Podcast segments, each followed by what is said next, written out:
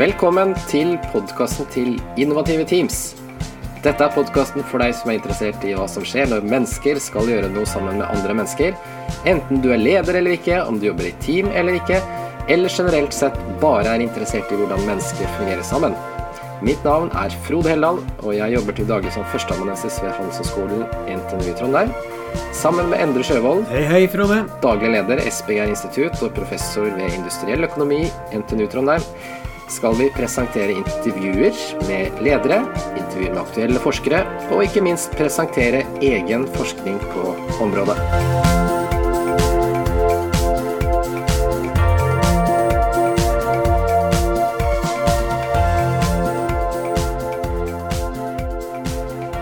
Da er jeg så heldig å sitte her med Paul Hall Salle Pedersen. Hei, hei. Hei. Vi eh, har jo Våre veier har jo krysset før, uten at vi kanskje har møtt hverandre direkte i Safetech. Stemmer det? Stemmer det? Ja. Eh, Ikke minst da har vi jo blitt kjent gjennom fotballen. ja. Og eh, vi skal jo ta en prat i dag fordi du har veldig interessante ledererfaringer, først og fremst. da. Mm. Si litt, Paul, om hvem du er, og din jobberfaring. Og Ja. jobber nå. Kan jeg starte med det jeg jobber med i dag, da? Eh, I dag sitter jeg i konsernledelsen i Research Institute of Sweden, eh, med forkorting RISE. Det er jo eh, det svenske Sintef, for å si det med enkle ord. Med 3200 ansatte. Der har jeg ansvaret for en divisjon på rundt 600 ansatte som driver med safety and transport. Så det er liksom navnet på divisjonen. Ellers så har jeg vært administrerende direktør eh, i et selskap eh, som var delvis eid av Sintef og Rice da, i fem år.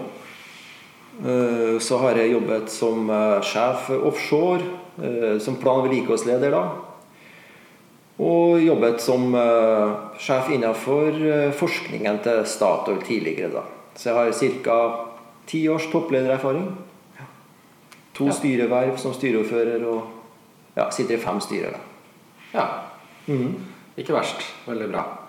Og når vi nå har muligheten, eh, Paul, så eh, Vi hører jo at du er norsk og på klingende Brønnøy. Veldig bra. Eh, Men du leder jo eh, et svensk eh, bolag. Ja, stemmer.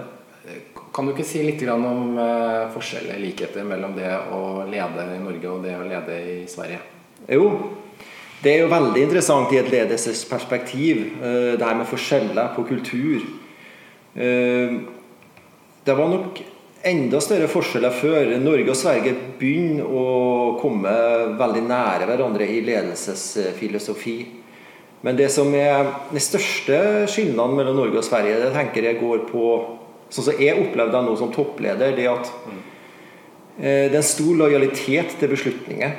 Ja. Eh, Det er en kultur i Sverige, en innovasjonskultur og industrikultur som er veldig sterk. Og man løser problemer da gjennom lojalitet til beslutninger og sterkt samarbeid. Altså teamwork det er veldig, veldig eh, sentralt. Men det er, også, det er jo det også i Norge. Men jeg opplever kanskje gjennom min ledererfaring større omkamper om saker i Norge enn jeg opplever i Sverige. Men det kan jo også ha sammenheng med min posisjon nå, som er større. Ja. Videre så er det Kanskje den største skillnaden er vel at uh, man som sjef i Sverige driver mye mer med coaching. Uh, det er veldig mye dialog med andre sjefer, coacher dem i riktig retning. Ja. Uh, det gjorde ikke så veldig mye i, i Norge, da. Nei, og med coaching så mener du at dere støtter hverandre på en måte i Ja, eh, det viktigste jeg gjør nå, det er å få teamet mitt til å fungere. Eh, Delegere, coache avdelingssjefene til å gå i den retning vi tenker. eh. Så om det er på en måte en kulturell forskjell, eller om det er basert på min stilling nå, det, det kan jo diskuteres, men noen forskjeller er det. Spennende. Og på litt sånn folkemunne så har jeg hørt si at uh, i, i Sverige så diskuterer man, og så tar man en beslutning. Mens i Norge så tar man en beslutning, og så diskuterer man. ja. Er det litt sånn, eller? ja, altså vi bruker veldig mye tid på konsensus. Ja. Uh, mitt lederteam består av seks avdelingssjefer som har ansvaret for 100 personer hver. Og så har jeg en uh, konsern gemensamme funksjoner, altså staben, på, på fem stykker. Og vi bruker mye tid på å bli enige eh, på retningen.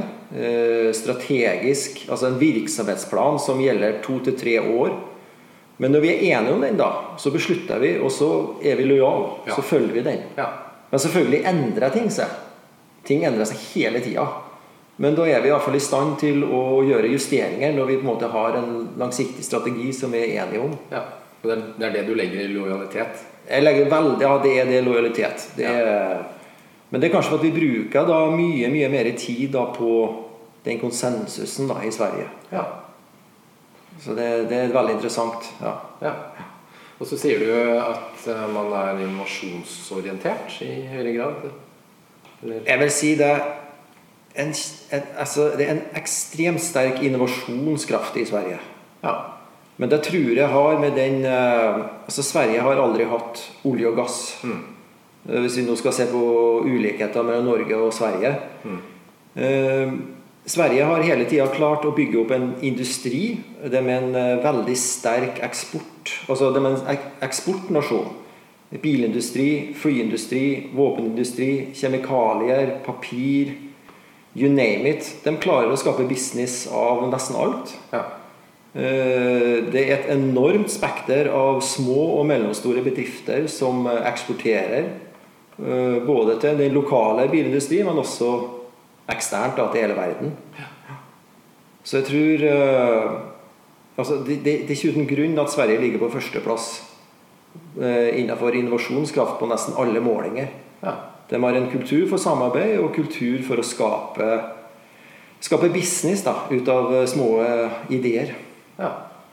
Spennende. Er det Jeg er frista til å spørre, du trenger ikke svare, men er det, er det lettere å være leder i Sverige enn i Norge? ja, godt spør.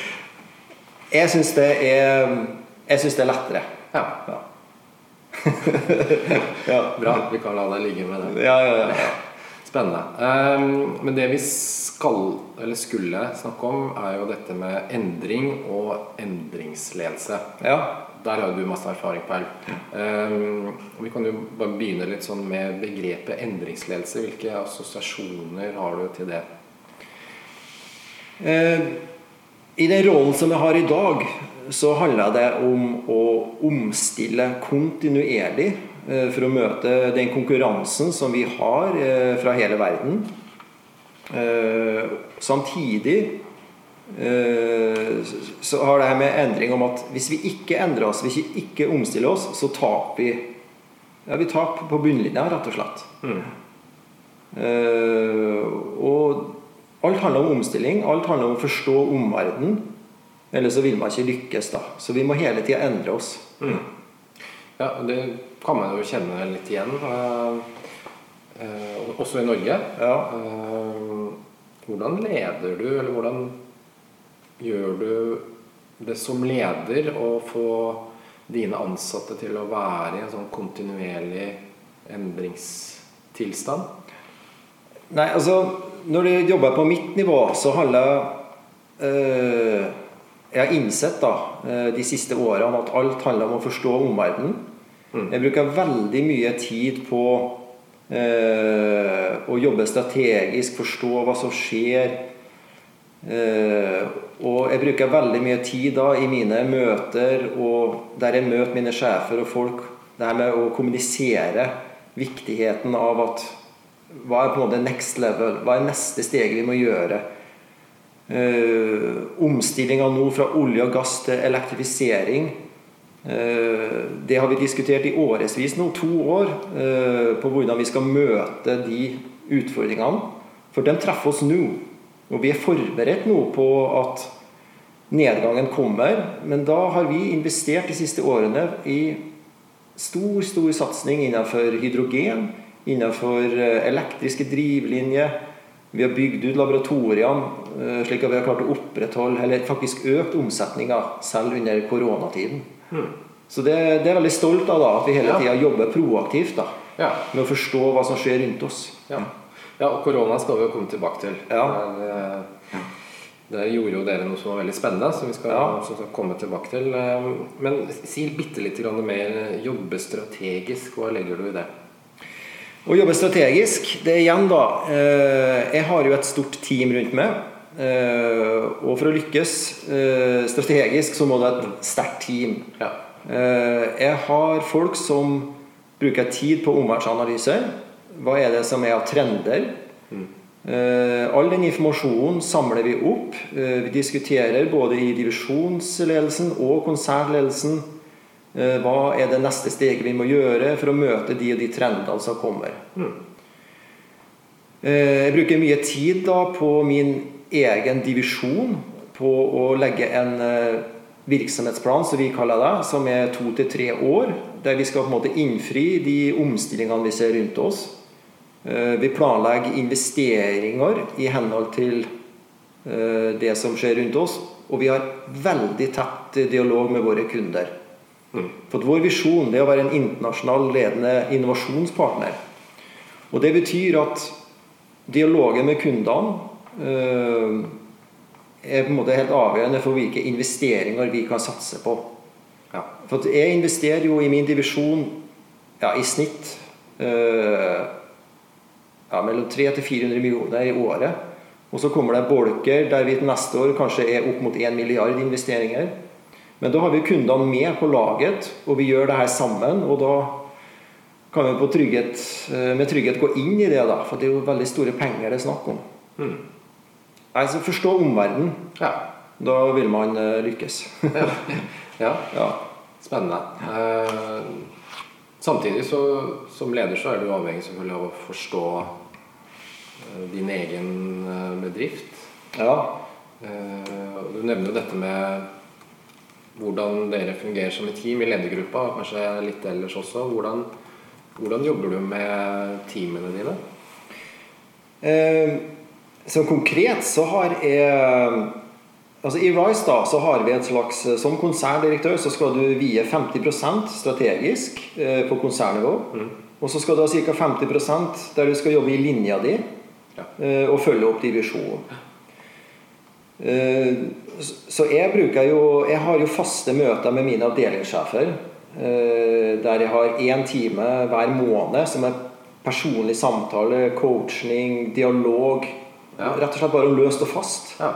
Eh, og så har jeg jo hver 14. dag så samler jeg hele gjengen.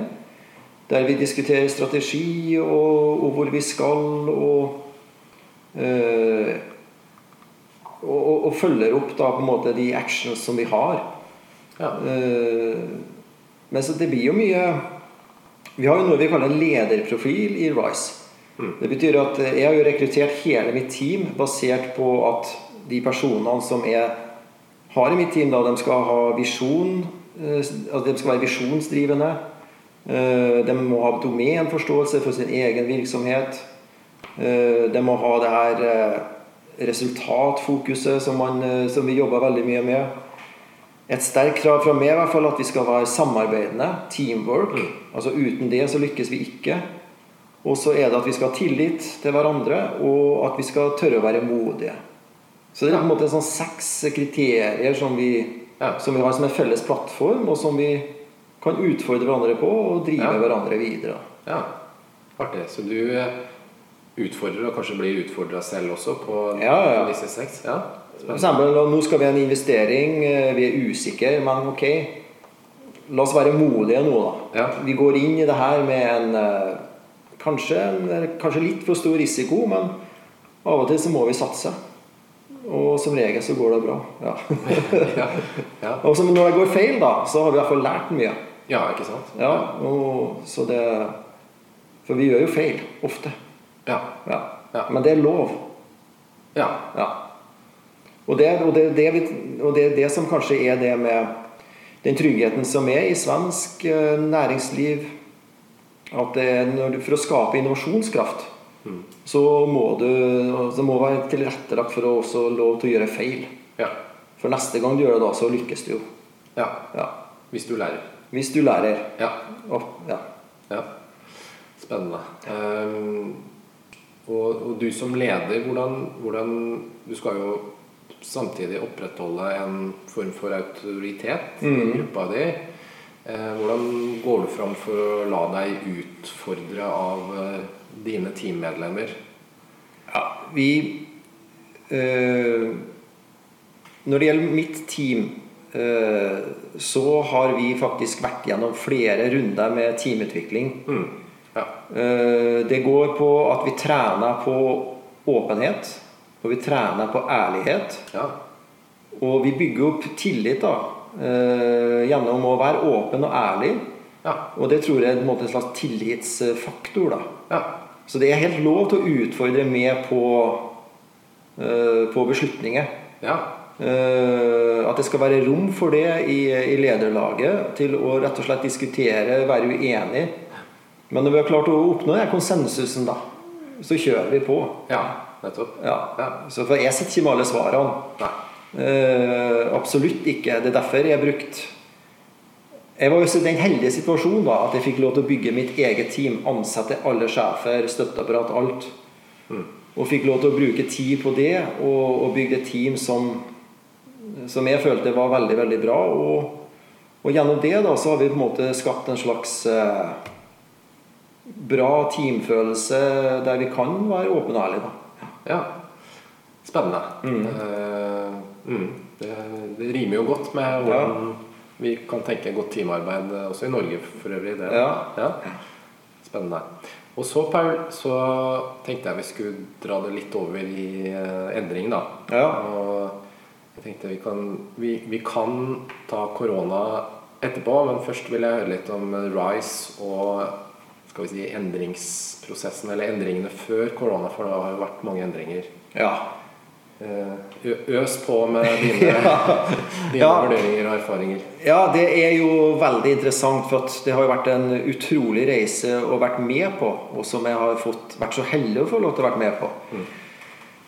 For det var vel i 2018 at eh, den svenske altså Vi vi er jo eid av Næringsdepartementet.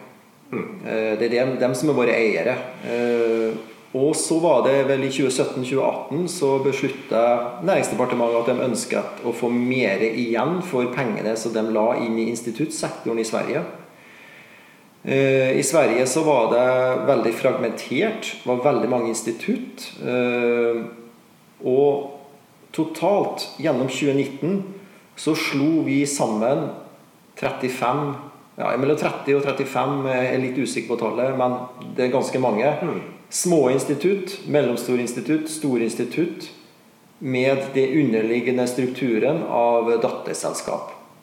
Ja. Så gjennom ett år da, så, så slo vi sammen det her til ett, ett RISE, som vi kaller det. Research Institute of Sweden. Så vi gikk da opp i en eh, 3200 ansatte.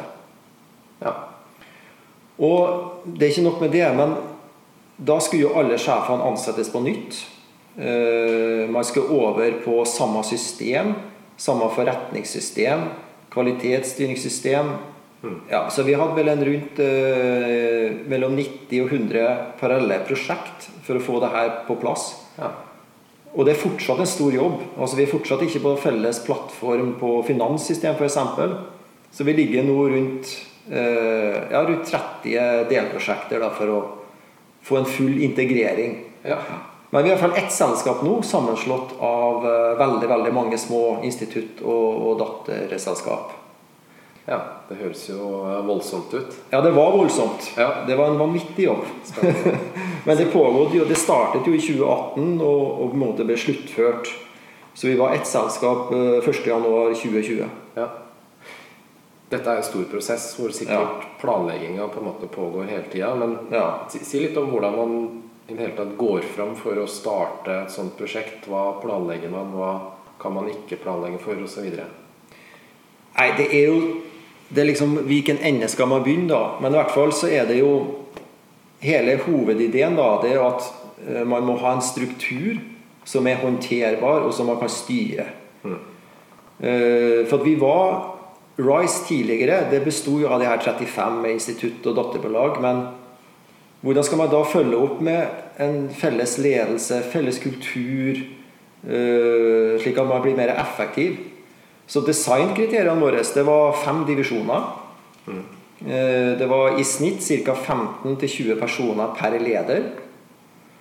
Og så begynte vi å designe og flytte hvor, eh, hvor passer hvor passer de forskjellige datterselskapene og instituttene inn eh, fagmessig, kompetansemessig?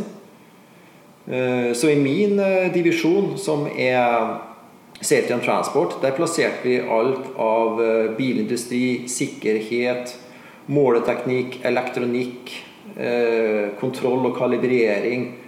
Veldig, altså veldig mye kommersiell virksomhet. 70% kommersiell er vi, og ca. 30% forskning. Men det er en rød tråd der, da.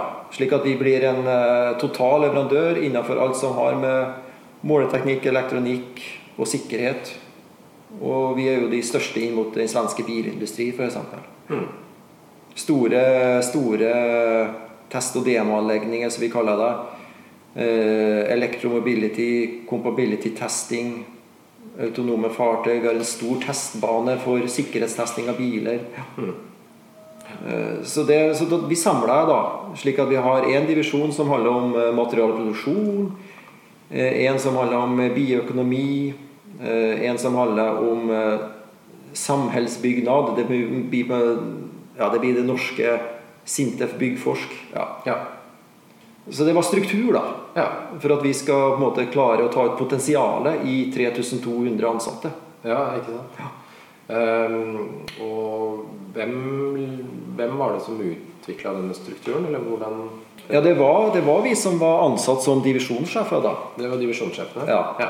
Men også eh, i samarbeid med de ansatte, selvfølgelig. Ja. Slik at man får Man må ha med det perspektivet. ja. Er utrolig viktig. Og det perspektivet var ikke der. eh, Og det er kanskje en liten forskjell på Norge og Sverige. For at i starten så var på en måte Redesigning Rise besto bare av grupper med sjefer. ja.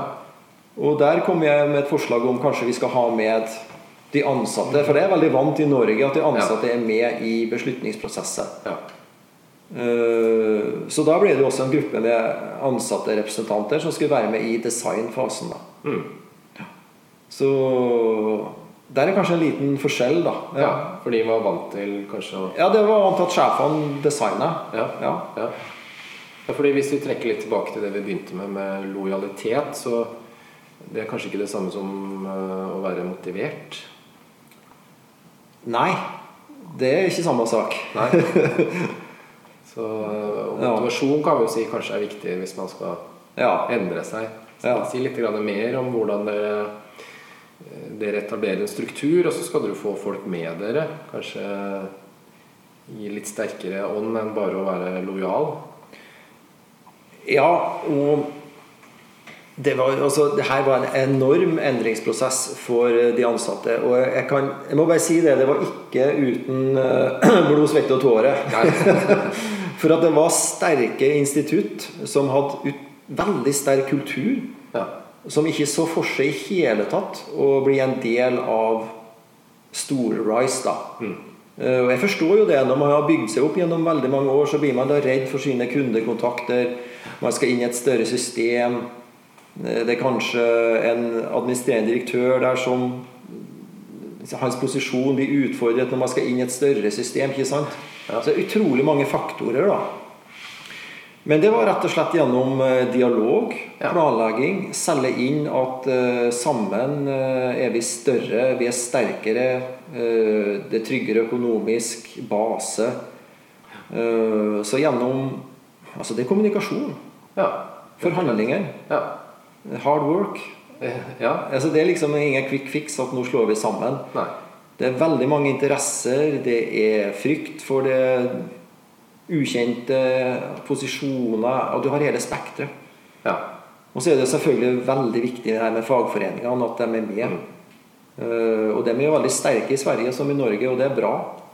Kunnskapsrike og dyktige folk som, uh, som har det her uh, ansettelsesperspektivet. Og, og det er jo litt lett å glemme da når man sitter i en toppledelse og bare kjører på. Man må ha dem med, så man får med seg alle elementer. Mm. Ja. ja. Uh, selge inn, uh, sier du. Uh, um, hvordan går dere fram, eller gikk dere fram for å selge det inn? Det er jo åpenbart, som du sier, at det er mange interesser. Ja. Og så skal man samle det til én. Det er mye fotarbeid.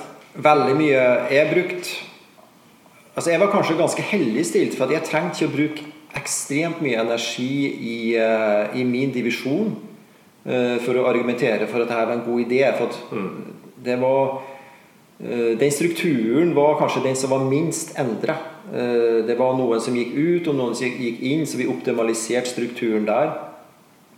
Mens andre divisjonssjefer og, og meg også involvert da, måtte bruke mer tid på de mindre sterke instituttene som hadde en utrolig sterk posisjon i Sverige før integrasjonen i RISE.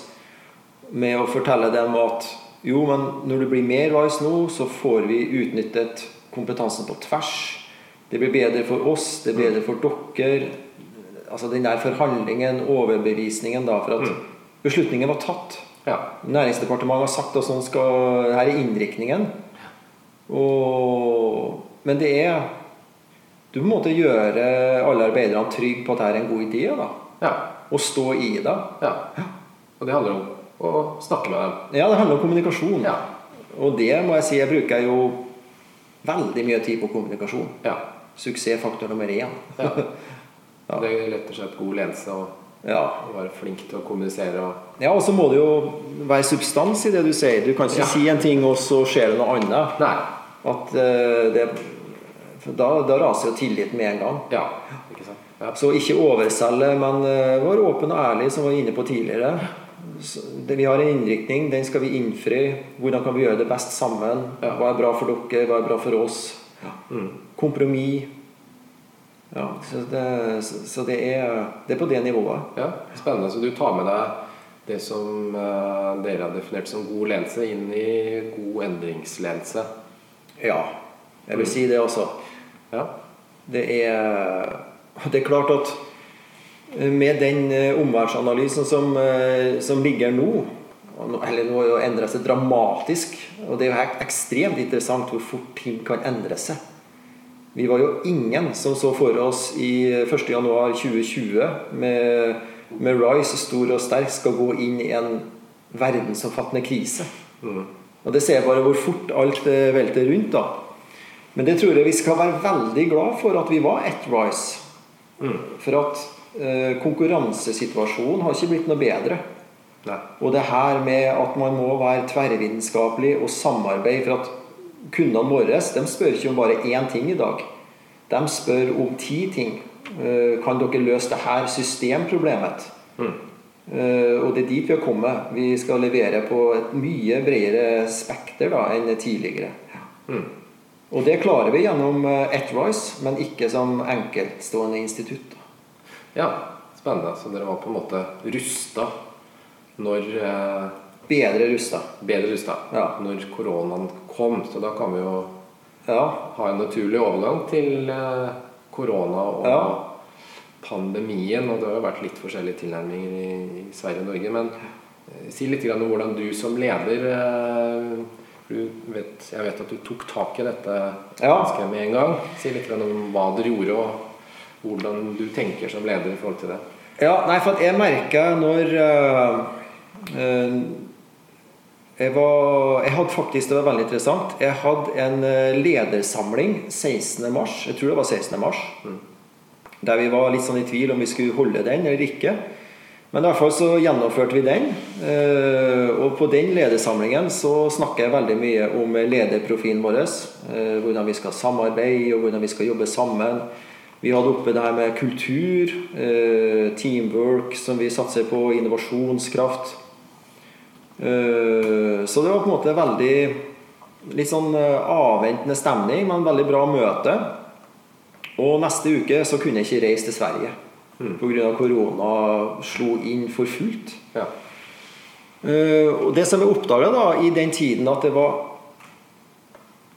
Det var ukjent terreng, da. Ja. Alle sjefene uh, var veldig usikre på Skal vi sitte hjemme, skal vi sitte på kontoret. Det var liksom starten. Uh, etter hvert så begynte vi å se at kundene våre ble veldig usikre. Det begynte å komme avbukninger på, på testing og på tjenester. Så det vi frykta, da, det var jo det at vi så omverdenen stoppa helt opp. Så vi, og vi har jo et veldig tøft budsjett. Mm. Skal jo levere over 800 millioner. Og, og ha tøffe resultatkrav. Det er jo også ja, det er jo i Norge også, men i Sverige så er det veldig fokus på resultat. Ja. Uh, så den usikkerheten her, da, det førte til at man uh, Hva skjer? Mm. Så jeg tenkte på hvordan i alle dager skal vi håndtere det her? Men så begynte jeg å tenke på tilbake til når jeg var leder offshore. Mm. Hva gjorde vi når vi opplevde krise der? For jeg satt i beredskapsledelsen, og jeg har vært gjennom brann offshore. Det, og, ja. det, var jo en stor krise. Ja. Men det, det, vi gjorde offshore, det var på en måte å Vi samla teamet. Vi hadde konkrete actionlister. Eh, vi satt på en måte i samme rommet og diskuterte hvordan løser vi et problem. da. Ja. Så da tenkte jeg ok, da gjør jeg det samme. Jeg, jeg tar en uh, ja. beredskapsledelsesstruktur i mitt uh, divisjon. Ja. Så jeg samla da alle sjefene mine, eller altså mitt, mitt team da på 11 Jeg samla dem hver eneste dag fra klokken 8 til klokken 9. Der vi hadde ti punkt, en actionliste, så vi fulgte opp hver eneste dag. Ja. Og det gjorde vi én måned. Og det gikk på uh, oppfølging av vårt personal i en usikker tid. For at det viktigste ressurs, altså ressursen vi har, det er personalet. Uh, hvordan skal vi håndtere at de er nå på hjemmekontor? Hvem trenger oppfølging? Eh, vi fokuserte veldig på å sikre inntektene. Det betydde at vi la bort alt som handla om prosesser og utenomsnakk. Vi, vi, fokuserte rett og slett på vår ordrereserve. Ja. Hvordan skal vi sikre noen inntektene i den tiden her? Og vi gikk i veldig tett dialog med kundene våre. Og det ble, veld, og det ble satt stor pris på, for kundene var like usikre som oss. Ja. Så Eh, De også opplever jo denne usikkerheten. Hvor ja. går verden nå? Og Vil noen kjøpe våre produkter? Osv. osv. Så, og det var Det ble en veldig stor suksess. Ikke minst for at vi gjennom denne krisen da møttes hver dag. Eh, vi snakka om de samme tingene. Det gjorde oss trygge på at det vi holdt på med, var bra. Mm. Eh, kundene følte at de ble godt ivaretatt. Og Eh, vi bygde et sterk teamfølelse gjennom det her. Rett og slett å møtes om morgenen og, og, gjøre hverandre trygge. Og det førte til at vi har klart å opprettholde budsjettkravene våre. Og faktisk ligger over altså ca. 10 millioner foran budsjett. Ja. Så det, jeg vet ikke om det er fasiten på alt, men det som er viktig når det oppstår en krise, når det oppstår endringer, samle teamet. Mm. Få kontroll. Diskutere. For hvis man ikke gjør noe, så vil det i hvert fall gå galt. Mm. Så det er ganske basic. Uh, men må, man må bare gjøre det. Og så må man prioritere. Mm. Og være tøff nok til å prioritere. Ja. Altså Nå er det ikke prosjektmodellen som er viktig. Nå er det å snakke med kunden, og nå er det ordrereserven som er viktig. Ja. Så ta tak, da. Vær leder. Ja. Vis action. Handlingsplaner. Da må du være litt stram i klypa, som vi sier i Norge. Ja. ja. Men det gjennom god kommunikasjon og, og teamfølelse så alle var innstilt på det. Det var liksom ja. ingen problem. Nei, nettopp. Ja. Det vil jeg høre med deg om. Om det var noen, noen, motstand mot å plutselig møtes hver morgen, som sikkert Nei. man ikke var vant til det, altså Vi famla litt i begynnelsen. Hva skal vi diskutere hver dag? Ja, Men vi på en måte etter dag tre Jeg kom med en actionliste. da Nå følger vi opp det her. Mm. Så konsentrerte vi oss om de punktene. Men, Men det dukka jo opp ting. Så det, så det ble på en måte som morgenmøte der i dag så har vi kontroll. Ok, Hvordan går det? Hvem skal vi snakke med i dag? Er det noen medarbeidere som sliter? Altså, ja. Ta en kaffe sammen. Ja. For det gjør noe med trygghetsfølelsen til alle. da ja. Så det du sier, er kokende etter ett ord. Det å jobbe med å skape trygghet. Ja, i hvert fall handler det for meg om det, altså. Ja. Eh, at de, ja, mine sjefer satt jo også hjemme, da. Og jeg satt i Trondheim og ikke var i Göteborg. Mm. Eh, Så jeg måtte jo også ha en kanal for å ja, komme med all informasjon. For at i konsertledelsen så, så samles vi jo da faktisk én gang i uka. Ja. Og til vanlig så møtes vi bare hver 14. dag, som regel. Ja. Men da også ble det kveldsmøter.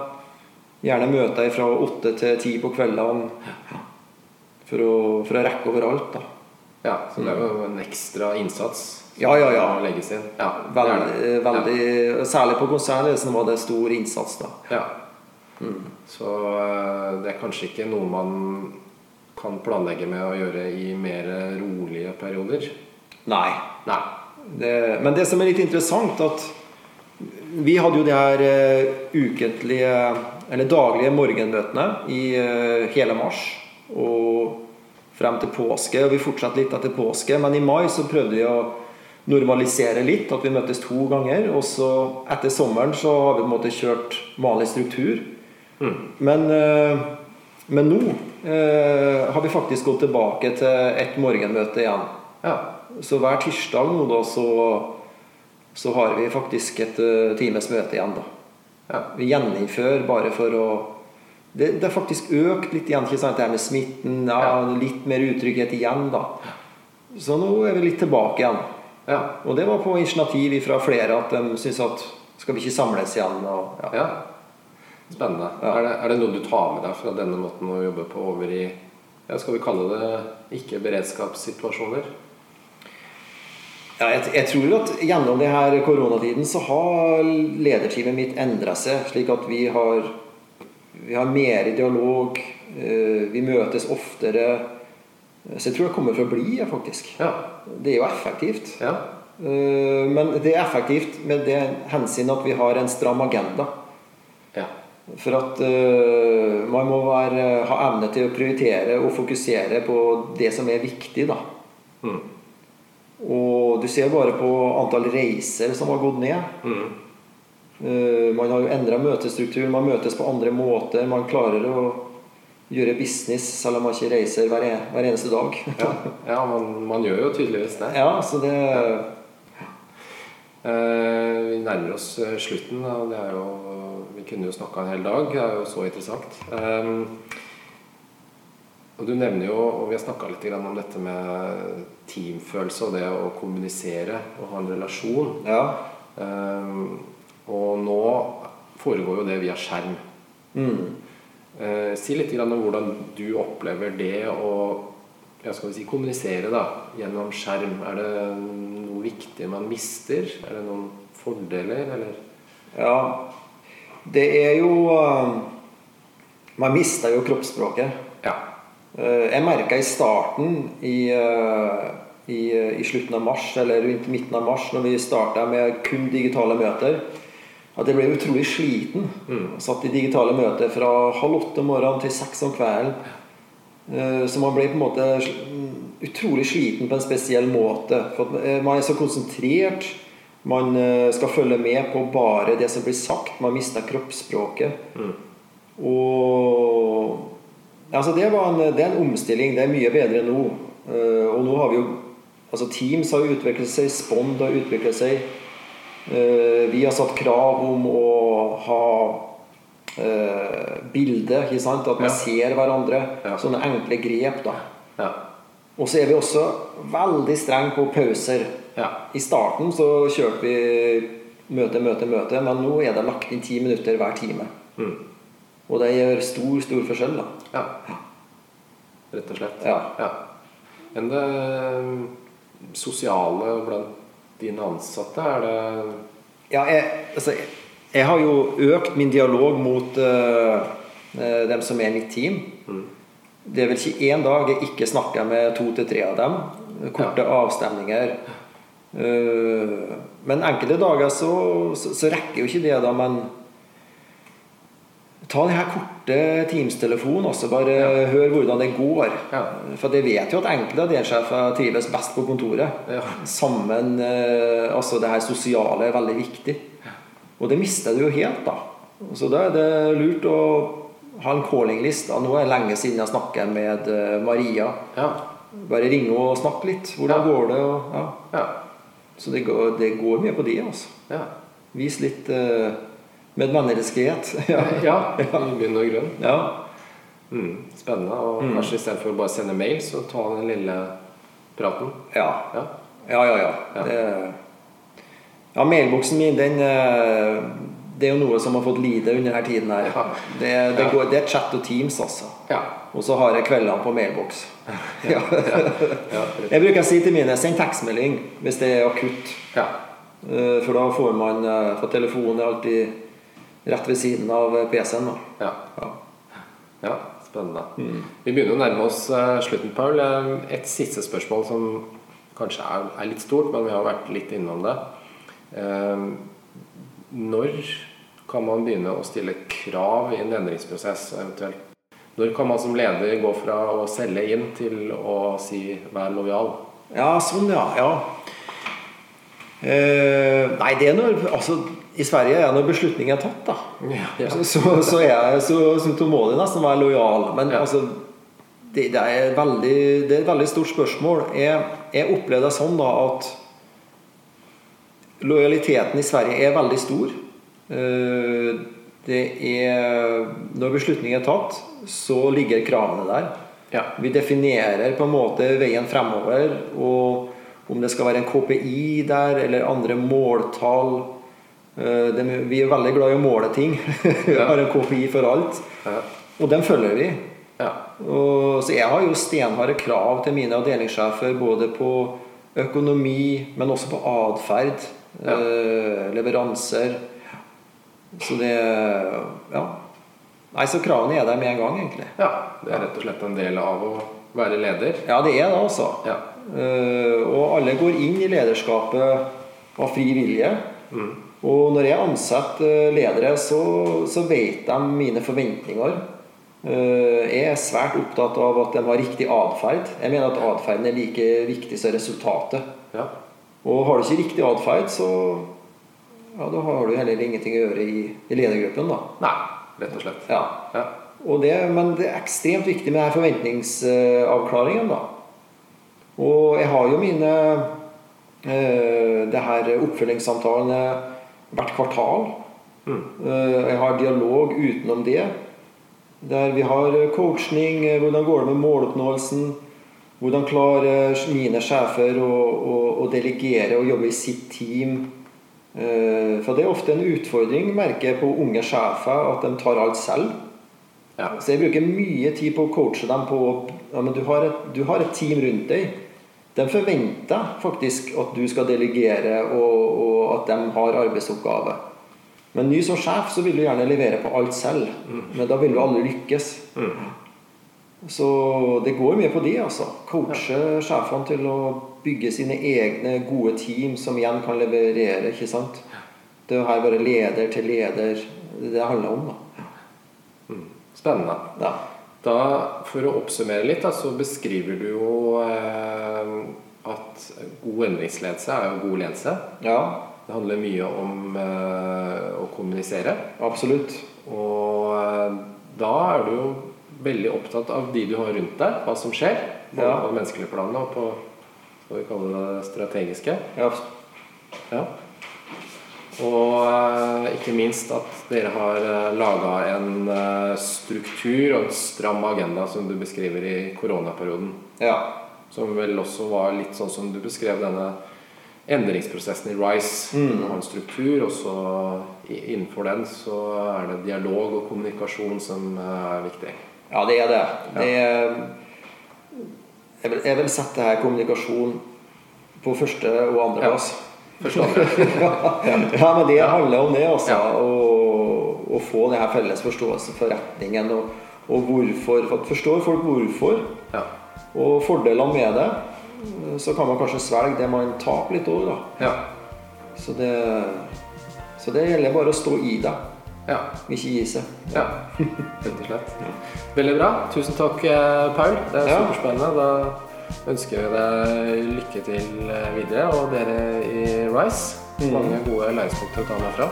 Takk Ja, takk. Takk selv. Veldig artig.